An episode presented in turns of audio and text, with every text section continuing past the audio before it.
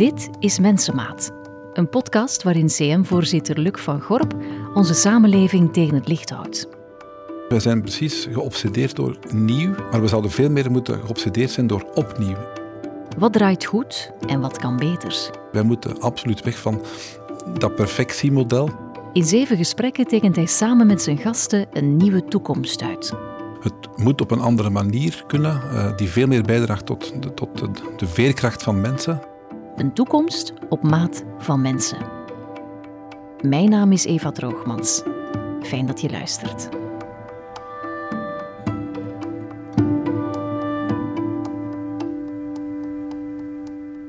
Dag Luc. Goeiedag. Wij zijn toe aan ons allerlaatste gesprek intussen. We hebben het onderwijs al hervormd, de politiek, de kerk, de gezondheidszorg. We hebben ook al de klimaatproblemen besproken. Dus eigenlijk wel al heel wat werk verzet. In deze laatste aflevering gaan we cultuur onder de loep nemen. Niet om het grondig te veranderen, maar wel eigenlijk om de noodzaak ervan extra te benadrukken. Kan je mij eens vertellen op welke manier cultuur deel heeft uitgemaakt van jouw jeugd? Zonder dat ik daar toen mij heel bewust was, waren wij toch thuis vanuit cultuur ondergedompeld. Ehm, gewoon al om het feit dat mijn vader zelf op een uitgeverij werkte. En elke nieuwe publicatie die uitkwam, die kwam bij ons s'avonds dan mee naar huis. En het was altijd van weer een nieuw boek, weer een nieuw boek. En zonder dat je het wist, zat hij natuurlijk met een heel ongelooflijke boekenkast in huis. Um, anderzijds waren wij ook met muziek bezig. Dus wij hadden eigenlijk allemaal de opdracht, iemand, of iedereen van de kinderen, we waren toch met zeven, uh, moest een muziekinstrument Dat was een verplichting. Dat was eigenlijk een verplichting. Je moest met iets starten. hè. En ik geef nog heel eerlijk toe dat ik toen uh, absoluut piano wou doen, maar het, mijn, ik, had, ik was pas de vierde in de rij. Er waren er al twee die al piano deden, dus dat was te veel van het goede. En er begon toen een nieuwe leraar klarinet en ik moest klarinet doen. Wat eigenlijk mijn eerste keuze zeker niet was, omdat natuurlijk piano spelen als je noot speelt, dan klinkt die juist. Als je klarinet begon te spelen, dat ritje, dat zorgde er wel voor dat je meer fiepte en piepte ja. dan speelde. Nadien is dat wel mijn lievelingsinstrument geworden, omdat je dan kon samenspelen, omdat je natuurlijk toch wel je ding daarin kwijtgeraakt. En ik geef toe dat dat voor mij in heel mijn, mijn leven tot vandaag toch wel een passie is geweest. Muziek, niet altijd zelf spelen, hè, maar achteraf toch ook beluisteren en dat dat u toch wel ongelooflijk kan raken. Ja. Waarom speelt cultuur in jouw boek zo'n belangrijke rol? Het is ook maar gaandeweg on, allee, ontdekt door in mijn eigen leven. Um, en ik, ik, merk dat cultuur uh, voor mij de, de, uh, de, transformatie mogelijk maakt in mijn eigen denken. Als het nu gaat over gezondheid of over politiek enzovoort, dan merk ik dat in de confrontatie met cultuur, maar dan heel breed, van zowel het theater als muziek, als, als beeldende kunst enzovoort, dat mij dat eigenlijk zo extreem raakt van binnenuit, dat, dat ik niet anders kan dan geraakt te worden en daar dan ook iets mee te doen. En dat kan gaan van een film, dat kan gaan over een, een toneelstuk, dat kan gaan in de confrontatie met het lezen van een boek. En um, het, het, het, het, is zo'n, ja, hoe noemt dat? Een, een hefboom hè, mm -hmm. die u dwingt van binnenuit om creatief te zijn. Hè? Dus eigenlijk los te komen vanuit uw eigen kaderke of uw structuur of uw lijfelijkheid en, enzovoort. En ik denk dat we daarin cultuur op een veel fundamenteler niveau moeten plaatsen binnen de samenleving. En dat heb ik toch ook wel geleerd bij corona. Hè? Het, het, gemis vandaag om, om het te kunnen meemaken, maar echt fysiek en lijfelijk, hè? niet op afstand mm. van achter een scherm, dat dat mij toch wezenlijk geraakt heeft. Ja. ja, en laat nu net de cultuursector ook een bijzonder moeilijk jaar achter de rug hebben, met uh, het coronavirus natuurlijk. En onze gast van vandaag, onze allerlaatste gast in deze reeks, die kan daarover meespreken.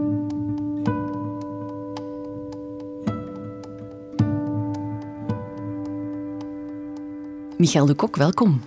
Hallo. Hallo, artistiek leider van de KVS in Brussel, de Koninklijke Vlaamse Stadschouwburg.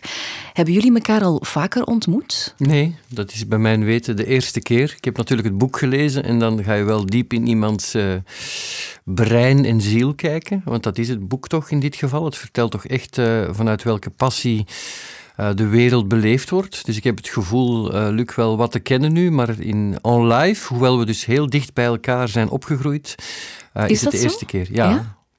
Kontig in Hoven, als ik het goed heb. Nog wat Edegem ertussen. Ja. Um, jawel. Luc, waarom wilde jij Michael er graag bij hebben vandaag?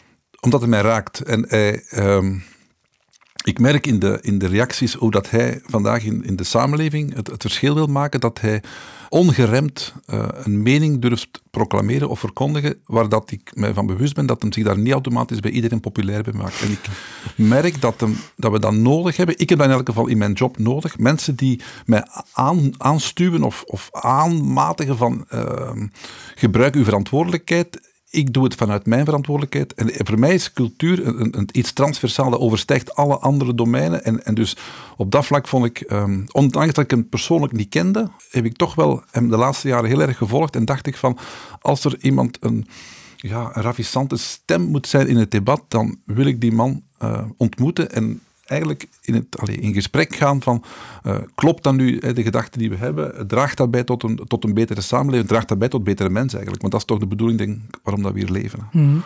Michael, jouw sector heeft in 2020 volledig, praktisch volledig op slot gezeten. Daar komt nu gelukkig verandering in, maar het is een bijzonder zwaar jaar geweest. Hè? Hoe kijk je daar zelf op terug? Ja, het is heel zwaar geweest. Nu dat op slot is, is um, relatief natuurlijk. Er zijn heel veel stadia van op slot uh, geweest. Toen de coronacrisis uitbrak, het was een beetje als 9-11 of, of uh, onze 22 maart. Ik weet nog, ik, ik, was op een festival in Italië, um, in, in het noorden, waar het toen echt begon. En ik was op een tentoonstelling en er kwam een man aan mij en die zei, je hebt geluk, want morgen gaat alles dicht hier.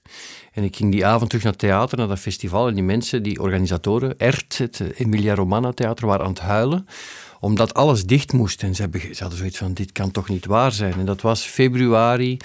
En dan ben ik teruggekomen. Dat was echt zo van... Eh, ik was daar met Rashida Lamrabet, auteur. En we hadden nog zoiets van, ja, eh, wat een vreemde situatie. Ze gaan hier regels op slot doen. Gaan, we zijn naar huis gegaan. En dan... Maar jij dacht op dat moment, dat is een Italiaans Absoluut, ja, probleem. Maar dat komt niet tot bij ons. Maar ook voor hen was dat puur surrealisme. Ze hadden zoiets van, zijn ze hier helemaal gek geworden, die regeringen? Wat doen die nu, de theaters sluiten? Ja. KV's is gesloten, denk ik, vlak na de tijdens de Tweede Wereldoorlog, met de aanslagen van 22 maart en nu. Om maar te zeggen hoe uniek dat is en de periode waarop dat nu gebeurd, gebeurd is, is, is ongezien eigenlijk. Mm maar dus kwamen we naar België, gingen we JR spelen, die voorstelling met Toneelhuis, FC Bergman en, en, en, en Tegent, die grote toren. En die hebben we dan eigenlijk als eerste afgelast voor zelfs de regering de eerste grote maatregelen had genomen. Nu, en ondertussen, dat wou ik eigenlijk zeggen, zijn we in, in honderdduizend verschillende staten van, van zijn gebleven. Van, we hebben een film gemaakt met Jaco van Dormaal, uh, Madame Bovary, die dan uh, eind um, april te zien was op, op Canvas. We hebben, een, uh, we hebben gespeeld in ziekenhuis, we hebben gespeeld buiten, we hebben gespeeld binnen. We hebben ons honderdduizend keer eruit gevonden. We zijn af en toe ook helemaal op slot gegaan in de eerste lockdown. Maar voor de rest zijn we eigenlijk blijven werken en blijven prediken van laat ons, en ik ben in die zin blij dat dat ook zo in het boek van Luc naar voren komt, laat ons een deel van de oplossing zijn en niet van het probleem. Cultuur, ook in crowdmanagement en mits goed gedaan, kan verbinding, want daar mhm. gaat ook het boek over en daar gaat cultuur over, verbinding, um, nabijheid creëren op een manier die veilig is en waarbij je eigenlijk ik zeg het, een eh, druk van de ketel, maar veel meer doet dan dat, waarbij het mens zijn terug centraal zet en niet is een beetje eh, populistisch wat ik nu zeg, maar mensen behandeld als, als, als, als wezens die s ochtends de deur uit gaan, gaan werken, s'avonds naar huis komen. Zo is het in Frankrijk nu een, een, paar maanden geweest. Zes uur, avondklok, zeven uur. En de dag nadien terug gaan werken. Want dan snij je toch een deel van dat mens zijn af. Mhm. De KVS is een huis dat verbindt, hè, dat leeft van ontmoetingen tussen mensen. Die zijn er natuurlijk in 2020 een pak minder geweest. Hoe moet ik mij jouw job voorstellen? Heb jij lang in een quasi leeg gebouw rondgelopen? Nee, want als het leeg was, was ik zelf ook uh, daar niet. Maar uh, wat je zegt over ontmoeting klopt heel. Voor mij is kunst um, of theater is een, is, een, is een alibi voor ontmoeting. Daar begint alles mee. Ik ben persoonlijk, hoewel alles mag van mij in de kunsten, maar net daarom geïnteresseerd in dat vak, omdat je ook daarom ben ik zo geïnteresseerd in het middenveld. En, omdat zonder die ontmoeting, dan, dan creëer je een eiland. Nu, uh, nee, wij hebben dus wel, wij hebben uiteraard toen er gezegd, toen we dicht waren, waren we dicht. Toen het, maar eigenlijk ben ik heel de tijd, zijn wij blijven werken om te zoeken van oké, hoe gaan we eruit geraken? De eerste keer door buiten te spelen enzovoort. Dan in de tweede fase zijn we, is telewerk verplicht voor wie kan, maar de producties werden wel gemaakt. Maar dus er is altijd wel gewerkt, maar in verschillende, op verschillende manieren. Hmm. En hoe groot moet ik mij de financiële impact voorstellen? Als je zegt, we zijn wel kunnen blijven produceren. De financiële impact is heel gelaagd in het hele veld en um, bij heel veel anders. Bij een instelling als KVS is daar geen negatieve impact. En dat komt omdat het grootste deel van onze inkomsten uit subsidies betaalt. Het model van AB bijvoorbeeld, die op, op uh, eh, 80% eigen inkomsten zit, is een heel ander model mhm. dan het onze. Maar wij zijn er niet om, uh, om, de, om het gebouw proper te houden. Ons geld moet naar de artiesten gaan.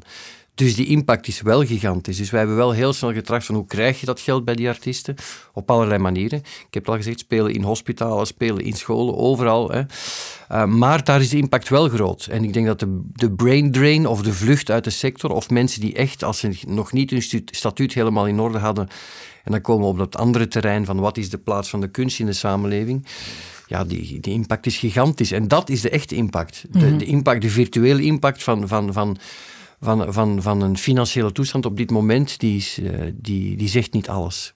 Het was het voorbije jaar telkens gespannen wachten op beslissingen van het overlegcomité. Maar daar viel voor jouw sector amper iets te rapen. Dat moet enorm frustrerend geweest zijn. Hoe, hoe kwam dat, denk je? Of hoe komt dat dat cultuur niet op de eerste rij stond? Beats me, ik begrijp dat niet. Omdat ik denk dat, uh, ik ga ervan uit dat de meeste politici uh, culturele interesse hebben. Mhm. Ik was zo uh, overtuigd van het feit toen, toen de, tijdens de eerste lockdown dat cultuur zo'n, zo wat ook uitdrukkelijk in het boek staat, zo'n voorname plek heeft voor in het mens zijn. En dat bleek uit alles. Van de, de troost van het zingen op de balkons, tot, tot, het, uh, tot de gedichten die circuleren, tot de streamings.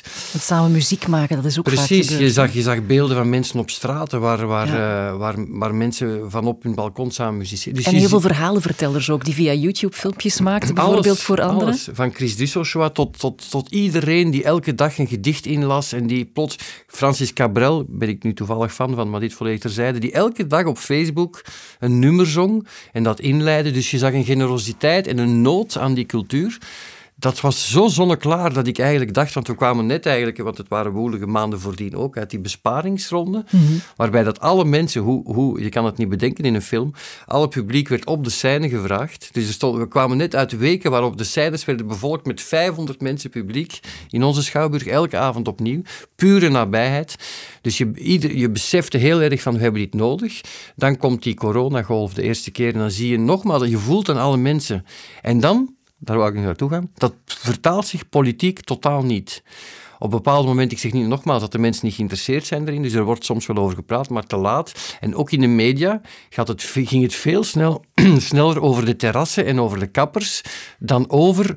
Maar, hmm. En dat is voor mij, en dat is echt de kern van dit boek, hoe kunnen we de maatschappij anders gaan... Dus de Tina en Tamara logica, there is no alternative, there are many alternatives en heel de logica en de semantiek in de mainstream media rond het versoepelen en het niet te durven denken over, maar wacht eens, als we nu eens anders trachten te organiseren. Met heel het boek bulkt daarvan. Anders studeren, levenslang studeren. Hmm. Welke plek geven we de, de, in, in, het, in, het, in het posthumanisme, zeg maar, de mens in de samenleving, heel het boek. En daarom spreekt het mij echt wel heel erg aan, omdat als ik zie dat die academische ideeën, die ook in de kunsten zeer erg doorcijpelen, nu ook in het middenveld zo'n draagvlak krijgen, dan weet je echt wel dat je op een scharnierpunt staat. En daar is corona ook een deel van. Absoluut. Is het probleem dat onze overheid dit misschien nog altijd niet beschouwt als een basisbehoefte, maar meer als een surplus, als een leuk extraatje? Ja, het, zit ergens als een kers op een taart, terwijl het volgens mij, het, het, noemt het, de bloem is van het deeg, dat je moet, of de gist, of de, en dan kan er iets gebeuren. En ik merk ook, ik, ik heb zelf, eh, dat is ook toch een stuk het drama denk van mijn leven, dat ik ehm, daar op een andere en een verkeerde manier misschien ook naar keek, eerder vanuit een beheersingsmodel en een beheersbaarheidsmodel, dan als de, de motor van creativiteit. En ik, ik merk dat als je creativiteit op een of andere manier beknot, beknot, dus van zijn vrijheid beroofd, dan, dan heb je geen, geen product dat daar dat cultuur met een grote C zou zijn. En ik, ik ben eigenlijk soms beschaamd dat ik dat nu op die manier moet zeggen, terwijl het heel mijn leven is ingelepeld geweest op, op verschillende manieren en dat ik daar nu, in, en ik denk dat Michael het heel goed begrepen heeft, van hoe, kunt je, hoe kan de cultuur de samenleving transformeren? Hoe hmm. kan cultuur gezondheid transformeren? Hoe kan cultuur onderwijs transformeren? Hoe kan, en er zijn heel veel voorbeelden die gebeuren. Hè, en misschien heeft corona die opportuniteit gegeven dat we iets creatiever moeten zijn met een aantal klassieke uh, denksystemen. Maar cultuur mag je nooit in handen geven van niet cultuur. Dus als, mhm. je dat, als je dat dan wilt gaan beheersen via een politiek systeem of een, of een, of een, een financieel systeem, dan dood je cultuur. En daarom maakt het voor sommige mensen cultuur zo moeilijk, omdat je dus die mensen niet kan in een, in een kot steken. En, en, moest je dat doen, ja, dan is het gedaan, denk ik. Dat is ook het, het, het, het wederom het lineaire en het circulaire. Ehm, je kan het niet uh, formateren in een soort model, of in een soort, zeker niet in een model van winstbejag, maar ook, het is heel moeilijk te uh, te ja, het is heel moeilijk te, te, te, te, te, Maar pas op, die druk van de vermarkting is er ook voor de cultuur. Hè. Um, dus in die zin, het pleidooi dat je houdt van laat cultuur die markt beïnvloeden, is een, is een heel mooi pleidooi. Hè. Men vraagt altijd in economische modellen, denk eens out of the box. Hè. Of haal er wat culturoos bij om wat fris te denken. Maar wat doet men dan? Dan instrumentaliseert men op een bepaalde manier. Ja. Dan zegt men, kom er maar bij, want we hebben hier al onze Excel-bestanden, maar nu gaan we out of the box denken. Terwijl dat je denkt, ja, zo men moet meer, denk ik, het nutteloze leren koesteren. Je kan pas helemaal out of the box denken. Maar we zijn natuurlijk wel in een samenleving beland waar de cijfers altijd van doorslaggevende maar aard dat is, zijn. Dat vind ik het laatste jaar, uh, los van het feit dat ik natuurlijk, ik ga er geen scepticus over uithangen, maar dat is, dat is onwaarschijnlijk schrijnend. Hoe alleen maar de... natuurlijk, natuurlijk zijn data belangrijk, maar de, hoe je alleen nog maar kijkt naar de cijfertjes van, van, van ook zelfs van besmettingshaarden en dat alles, alles, bij iedereen vraagt men, ook op, op sociale media, linkje, uh, uh, de cijfers, dat is al wat men nog vraagt. Mhm, dus men kan, en dat zit exact in dat discours van het lineaire en dat circulaire, men durft niet meer loslaten en, en eigenlijk gewoon om zich heen kijken. Ja. Um, ja. Luc, je haalt in je boek ook een andere verklaring aan. Ik ga even voorlezen. Voor sommigen is cultuur een gevaar. Net doordat cultuur groepen in beweging kan brengen, zien sommigen, vaak vanuit een zekere politieke hoek, cultuur als een bedreiging. Ze proberen cultuur in een keurslijf te dwingen. Wie aan de voorwaarden voldoet, krijgt subsidies. Wie buiten de lijnen kleurt, riskeert ze te verliezen. Cultuur vanuit een open creativiteit die ons doet kennismaken met de mens als mens, vinden ze bedreigend. Michael, herken je daar iets in? Ja, vast wel, uh, zeker. Um, moeilijke vraag, omdat ik natuurlijk daartussenin zit. Voor mij is die vrijheid van, ik zie, kijk, we leven op dit moment in een heel uh, gepolariseerde tijd op veel gebieden. Hè. Wat mag je nog zeggen, wat mag je niet zeggen? Heel die transformatie die de wereld doormaakt, die er op veel, veel terreinen bezig is, van, van, van woke tot MeToo, tot uh, klimaat tot aandacht. Ja, je kan dat heel makkelijk cynisch wegzetten als. Uh, dus er is heel veel. En heel veel mensen zijn daarin verloren. En ik ben ook niet meer de jongste, dus ik ga naar de 50. Je ziet daar, als ik met mijn kinderen spreek, hoe die naar een aantal dingen kijken. Die staan eh, zoveel verder en zoveel evidenter kijken die naar een aantal dingen. Dus ik denk dat het... Eh, de begrippen komen ook aan bod in het boek. Uh, link, Luc linkt het ook aan circulair en lineaire vertrouwen. Ik denk dat je, je kan voor angst gaan of je kan voor vertrouwen gaan. En, je kan, en, en in die zin denk, pleit ik altijd voor dat tweede. Dus ik voel mij niet, ik, ik voel mij niet heel de tijd, om op je vraag te antwoorden of om op het citaat in te gaan. Um, ik, ik, ik, denk dat men daar om die reden bang voor is, maar dat zie je niet alleen op de cultuur. Dat, dat spitst zich niet alleen op cultuur toe. Het is niet alleen omdat het artiesten zijn, dat zie je ook op andere punten. Mensen die vragen om verandering, die stoten op dat onbegrip, hmm. denk ik. Het gaat ook over identiteit, hè? Ja. Wie, wie, wie, zijn wij? Wie ben ik? Wie ben jij? En wie mogen wij zijn? Los van elkaar, maar ook samen met elkaar. Ja, inderdaad. Uh, komt ook in het boek, dat is die, heel die kanon-kwestie. En, en ik denk dat cultuur kan daar zo'n superbelangrijke emanciperende rol in spelen. Maar inderdaad, is er, er is wel inderdaad die angst naar de sector van een aantal mensen, groepen, stromingen die denken van, die het ook daar weer in een wijzij trekken. Van ja, maar die willen iets anders of ja, maar dit is... Uh, ik, ik, denk, en in die zin hou ik wel van, de, van de, dat cultuur het niet de kers op de taart is, hoewel dat, dat soms wel kan zijn als een feestelijke, maar eerder ook de bloem um, van het deeg. Um, ja, het, is, het hoort zo evident te zijn. Je begint met zo'n achterstand en ongelijkheid als, als sommige kinderen uh, in onderwijs niet die input gekregen hebben. Of op zijn minst niet weten. Dat is eigenlijk voor mij altijd, daarom hou ik van schoolvoorstellingen ook. Uh, men moet snappen, dit kan ook voor mij zijn. Men moet niet van voetbal houden, men moet niet van theater houden. Maar je moet op zijn minst als burger denken, of als jonge, jongen of meisje, dit mm. kan ook voor mij zijn. Ja, en het gaat ook over basisvaardigheden, hè? want cultuur leert je ook om een open mindset uh, aan te houden, om geïnteresseerd te zijn in de verhalen van andere mensen die misschien een totaal ander leven leiden dan dat van jou. Goed, we weten nu wat het probleem is, maar hoe keren we dit nu om? Luc, um, denkende aan het lineaire en het circulaire verhaal, wat moet er volgens jou bewegen om cultuur de plek te kunnen geven die ze verdient in onze samenleving? Van heel jong beginnen, denk ik. Dus Michael verwijst er ook naar, naar omdat hij vertelt van schoolvoorstellingen.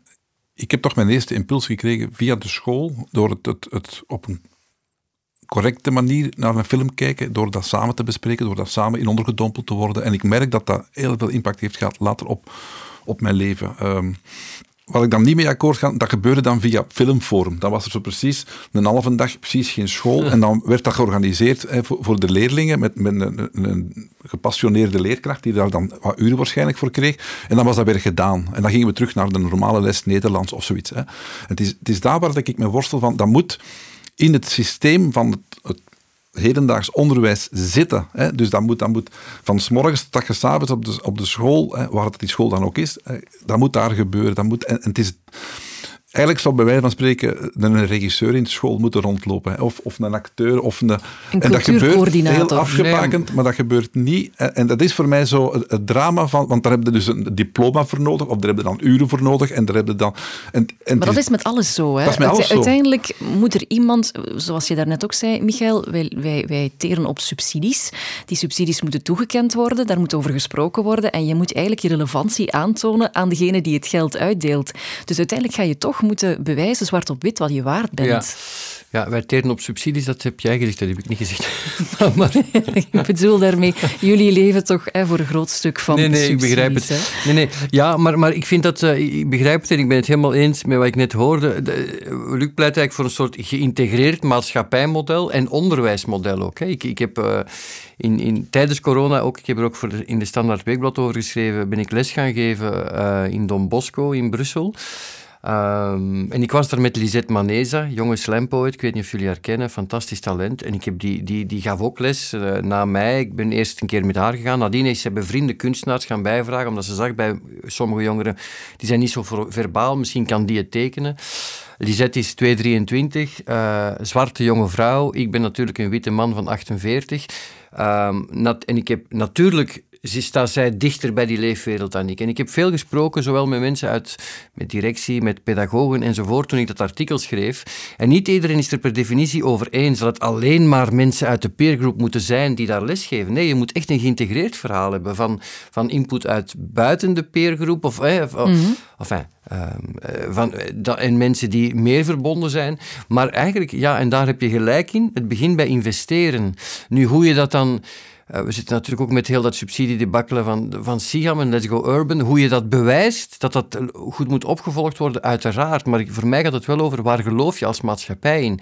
En als je niet meer in je kinderen gelooft, ja, dan heb je toch, krijg je ooit een probleem. En, en heel, ook heel het onderwijsmodel van, staat geweldig onder druk. Hè. Je, op Twitter zie je dat ook, de discussie over wat moet er naar spelling gaan. Heel de discussie in het Brusselse onderwijs toen over hoe krijg je meer kleur voor de klas ik ga die doos nu niet open doen van, van Pandora, maar, maar wat, waarom mogen mensen met een hoofddoek niet voor de klas? Want je sluit hele groepen uit op die manier. Uh, dus het begint bij investeren, het begint bij geloven in die jeugd, het begint bij, bij die jonge kinderen doen geloven, jij kan voor dat onder, dat kan ook voor jou zijn, jij kan schitteren op het podium van de KV's. En dan komt de politiek en die vraagt aan jou, bewijs mij wat jij waard bent.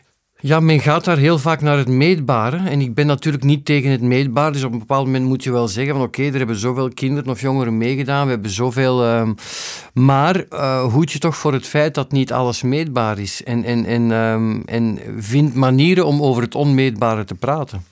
Ja, niet alles is meetbaar, Luc. Dat is eigenlijk ook een ingrediënt van jouw boek. Hè?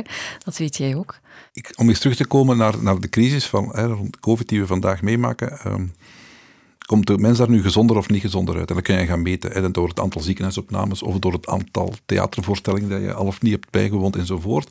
En ik voel me in een heel lastig parket ook. Hè. Ik ben langs de ene kant verpleegkundige, eigenlijk opgeleid in een lineair meetbaar model en afturven. En wanneer kunnen de mensen terug buiten? En anderzijds toch een stuk vanuit een cultuurcomponent die veel meer circulair is. En dat ik denk van... Um, wat mag nu het meeste doorwegen? Dat is een afschuwelijke uh, afweging op een weegschaal van. Ik merk toch wel, uh, hebben maanden hè, de kranten opengeslagen van het, mentaal welzijn hè, is, is echt wel niet oké. Eh, en dan zijn we dan aan het afwegen ten opzichte dan van, van ja, de beheersbaarheid van de crisis. En eh, je mag wel hopen, hoe dat we het ook gaan meten, dat de mensen er uiteindelijk beter gaat uitkomen. Hè, los van het aantal mensen die overleden zijn. Enzovoort, op zich ook erg is. En maar ik, ik merk toch ook wel van, ik heb hier toch ook wel behoefte dat we het niet op de klassieke manier gaan, meten van, we hebben, dan, we hebben dat goed gedaan of we hebben dat niet goed gedaan. Ik weet dat zelfs niet, dat je dat kunt veralgemenen, dat zal trouwens voor iedereen anders zijn. Maar, um, en ik ben ook niet tegen meten aan zich, hè. maar ik merk dat we vaak de verkeerde dingen dan meten. En dan zijn we content. Van, hè, ik geef het voorbeeld van Michael. Er was 100 man in de zaal, dus het was een goede voorstelling. Want er was maar 100 plaatsen.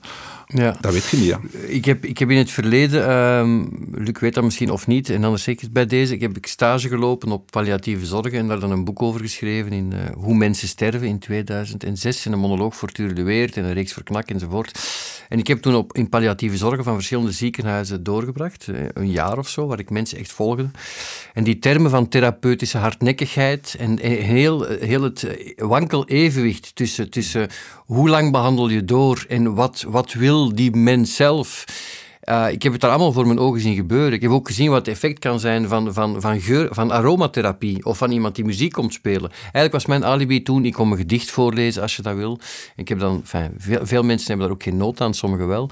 Maar heel, heel de discussie die we, die we vandaag uh, gevoerd hebben over dat, wat, wat is het belangrijkste. Want natuurlijk willen we ook in de... Ik geen sector waar, waar, waar men zo beducht is, of waar men zoveel empathie heeft voor wat er in de zorg gebeurt.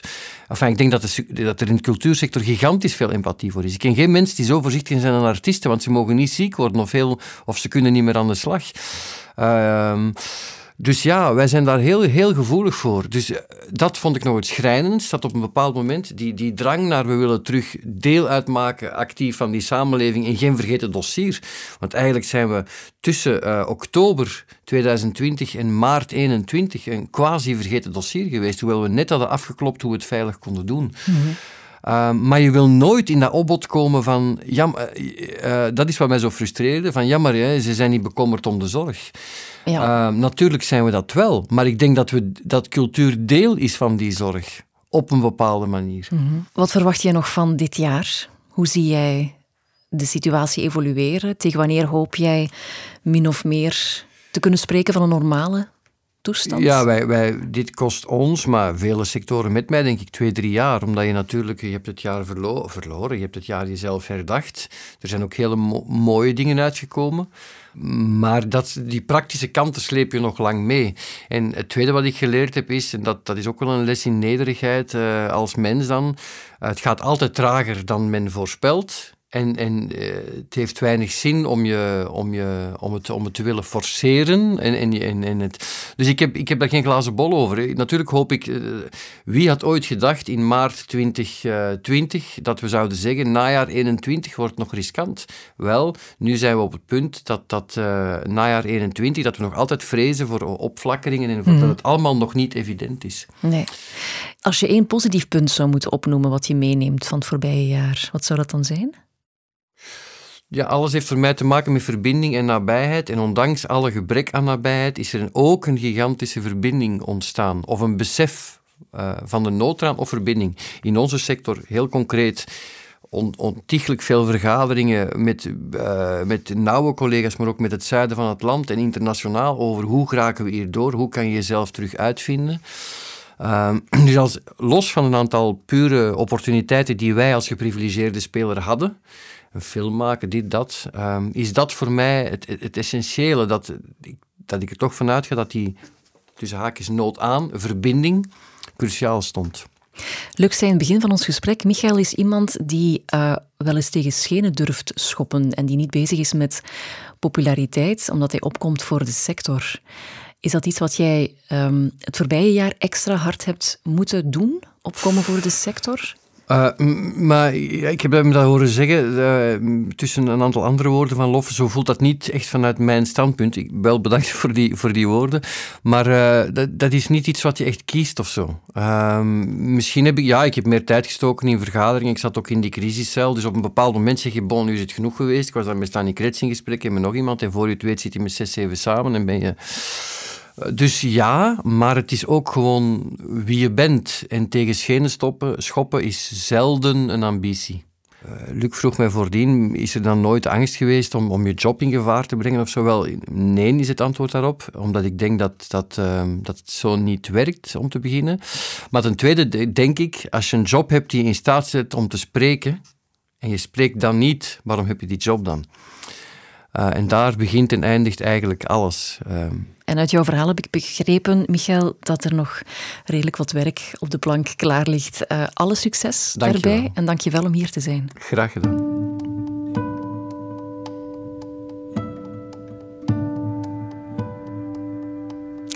Luc, we zijn er. We hebben al onze gesprekken achter de rug. Um, hoe kijk jij terug? Eigenlijk heel um, dankbaar um, dat mensen op basis van het lezen van een, een boek, een gedachte, een, een idee, eigenlijk de confrontatie met zichzelf aangegaan zijn om op zijn minst de spiegel bij zichzelf voor te houden. En het heeft mij opnieuw hè, in een creativiteit gebracht, van, eh, want doordat je de anderen hoort, ga je opnieuw weer bouwen aan, aan is het concept wat je probeert voor te stellen rond circulair, lineair, grote en kleine gezondheid. Uh, klopt dat? Hè? Want het is maar dat je door de ervaring van anderen kunt bevestigd horen van is dat nu oké om zo te denken. En ik ben toch wel versterkt uit de podcast gekomen voor mezelf, maar toch ook met de ideeën die wij proberen te vertellen. Ja, ja jouw boodschap heeft wel weerklank gevonden hè, bij de mensen die hier samen met ons hebben gesproken? Ja, en ik, het heeft mij verrast dat uh, de mensen die dan het boek lazen ter voorbereiding uh, van de podcast, um, dat wel heel dicht bij zichzelf hebben afgetoetst en, en daar ook waarschijnlijk uh, anders uitgekomen zijn. En gaan proberen, toch wat ik hoor, uh, daar rekening mee te houden vanuit hun verantwoordelijkheid die ze uh, hebben, daar of hier, um, binnen het onderwijs of de politiek of enzovoort. Ja. We zijn dit avontuur begonnen met een pleidooi voor imperfectie. Dat is ook de, de subtitel van jouw boek. Hoe imperfect mag jouw eigen leven zijn? Gewoon gelukkig, uh, heel imperfect. Um, ik denk, moest ik mij aandienen aan mijn, aan mijn vrouw als, als de perfecte echtgenoot, dan was Ben je niet de perfecte man, Ik ben absoluut niet de perfecte man. ik, ik denk dat je dat wel af en toe probeert. Ja. Uh, en dat dat met wisselend succes gebeurt, uh, zowel als echtgenoot als, als vader van um, enzovoort, maar als ook als collega en, en, enzovoort. Maar moest je als perfect aandienen dat zou een bijzonder koud, leeg en, en doods leven zijn, denk ik. En daar ben ik echt van overtuigd. Wat wil, niet wil zeggen dat je natuurlijk, als je fouten kunt maken, dat je fouten moet maken. Dat zeggen we niet, maar we maken fouten. Dat is gewoon des mensen. En dat vind ik zo belangrijk om dat mee te geven, ook aan jonge mensen. Van, als je fouten maakt, dan kom je, heb je de kans om jezelf tegen te komen. En dan kan je daar versterkt uitkomen. Alleen moet je dan zien dat er in die weg soms iemand naast u loopt die u daarin een stuk kan helpen en begeleiden. En dat kan via het onderwijs, en dat kan via de zorg, en dat kan via het gezin enzovoort. Dus er zijn mogelijkheden genoeg. En ik, ik, merk dat mijn, mijn, droom, dat is niet iets spectaculair en ik weet niet wat, want het zit heel diep en dicht bij de mens zelf. Uh, maar van daaruit kan je volgens mij wel een menselijk verhaal schrijven. Zijn er periodes geweest in het verleden dat je dat toch geprobeerd hebt om perfectie na te streven? Ja, ja. Ik, had, ik had denk ik in mijn, in mijn perspectief bijvoorbeeld de perfecte tuin. Die was dan perfect onderhouden, zonder onkruid, zonder één. Ik kon direct het verschil maken tussen het grasprietje en, en, de, en het onkruid. Terwijl ik vandaag eigenlijk nu moet vaststellen van wie ben jij om te bepalen wat dan onkruid en wat dan geen onkruid is. En dus dat kon ook de perfecte woning met de perfecte uh, gepoetste kamers enzovoort, met, met de auto die, die perfect in orde was en perfect gepoetst. Mhm. en, en ik, ik merkte met scha en schande dat ik vanuit een perfectiemodel ben opgevoed. En de kleren liggen recht en, en de das zit op die manier en, en, en de schoenen die knoop je zo. En dus wij zijn daar een stuk in, in opgedrild eigenlijk. En op zich is dat misschien goed, maar daar moet je dan toch op zijn minst van loskomen. En ik, ik denk inderdaad dat um, perfectie ons nog op dit moment heel weinig heeft opgeleverd. Niet in mijn persoonlijk leven en zeker niet op een maatschappelijk vlak ook mhm. niet. Nu, perfectie is misschien ook een manier om ehm, dat leven dat soms als een oerwoud kan aanvoelen onder controle te houden. Hè? Om je een weg te banen daardoor. Ik zeg, je moet zeker uh, een aantal zaken kennen. Allee, ik geef een, een voorbeeld. Een, een, spuit die je moet geven bij een patiënt, die moet je zo perfect mogelijk uh, toedienen, denk ik dan wel. maar er zijn een aantal spuiten die je hebt toegediend die niet perfect waren. Hè. Dus, maar dat, dat is, je moet wel een kader krijgen en dan moet je vanuit dat kader creativiteit kunnen mhm. toepassen. Dat gaat ook over de perfecte lesvoorbereiding. Die ga je ook niet toepassen in de praktijk, want dat loopt nooit zoals het is. En dan kan je daar heel ontgoocheld over zijn, maar je kan het ook zien als een opportuniteit van, ah ja, kijk, dat is dat gebeurt dan op dat moment met, met die groep studenten. En dat waren vaak dan de mooiste lessen. Dus ik, ik denk dat perfectie een, een kader uh, kan zijn, maar vanaf dat je dus uiteindelijk het, het, principe van ik kan lesgeven of ik kan een spuit zetten beheerst, laat dan de vrijheid uh, zegevieren. We zeiden in het begin, corona, de hele pandemie, kan een momentum zijn om dingen in beweging te brengen.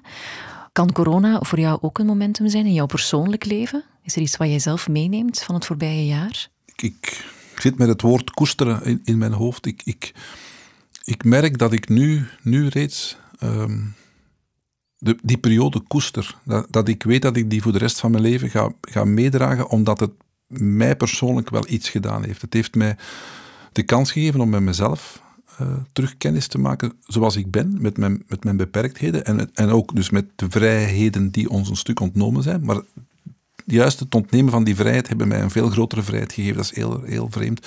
Want ik heb mij nooit afgevraagd wat er niet mocht, maar wel, wat mag ik nu allemaal wel? Hmm. En dat waren vaak dingen die ik vroeger ook al mocht, maar waar dat ik niet, belang, niet belangrijk genoeg vond om ze te benoemen. Dus van, en als ik dan een voorbeeld mag geven van het, het u vrij mogen bewegen in de natuur, dat is ons nooit ontnomen geweest. En ik merk dat ik dat geleerd heb. Daardoor is het mijn leven op dat vlak persoonlijk trager geworden. Heb je ook veel meer aandacht in de, in de connecties die je hebt met je partner en je kinderen. En heb ik alleen, wat ik neem, dat momentum, dat, ik, dat ga ik mij niet meer laten afpakken. Ehm, en dat wil ik ook meegeven als boodschap naar mensen van ehm, neem toch de kans, los van corona, om uzelf te leren kennen als, als een, het meest kostbare bezit dat je hebt. Ehm, en dat je dat op die manier ten dienste kunt stellen van andere mensen. En ik denk dat dat ook een beetje de opdracht van iedereen kan zijn. Luc, mag ik jou heel erg bedanken voor alle fijne gesprekken en alle geluk wensen met wat nog komt. Dank u wel.